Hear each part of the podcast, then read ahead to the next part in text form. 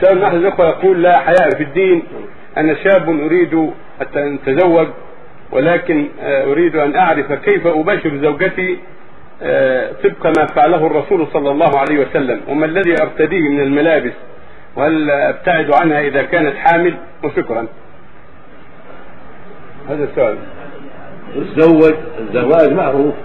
تزوج يعني يخطب المرأة يسأل عن دينها وعن حالها وإذا عرف أنها صالحة له مسلمة صالحة له أو رآها يتزوج بالعقد الشرعي. يطلب وليها يعقد له يعقد له عند بعض طلبة العلم اللي يعرفون حتى يبينون لهم ما ينبغي. يقول ويزوج والزوج يقول قبلت حضر شاهدين عدلين. يقول الحاضر أربعة الولي والزوج شاهدان.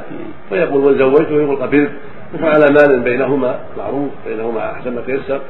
وإذا دخل عليها ذكر بعض أهل العلم أنه يصلي ركعتين أفضل إذا صلى ركعتين حسن يدعو الله جل وعلا أن الله يوفق بينهما. وإذا لمسها يسأل الله خيرها وخير ما جبلت عليه يعوذ بالله من شرها وشر ما جبلت عليه. ثم إذا شاءت اتصل بها اتصل بها وإذا كان حب لا النكاح باطل. كان حب لا قبله. كان دخل عليه وحب لا هذا نكاح باطل.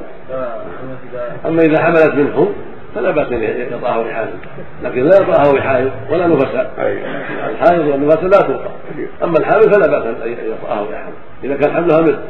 أما إذا كان يوم دخل عليها واذا حامل هذا معناها في عدة من غيره. ونكاح باطل نعوذ بالله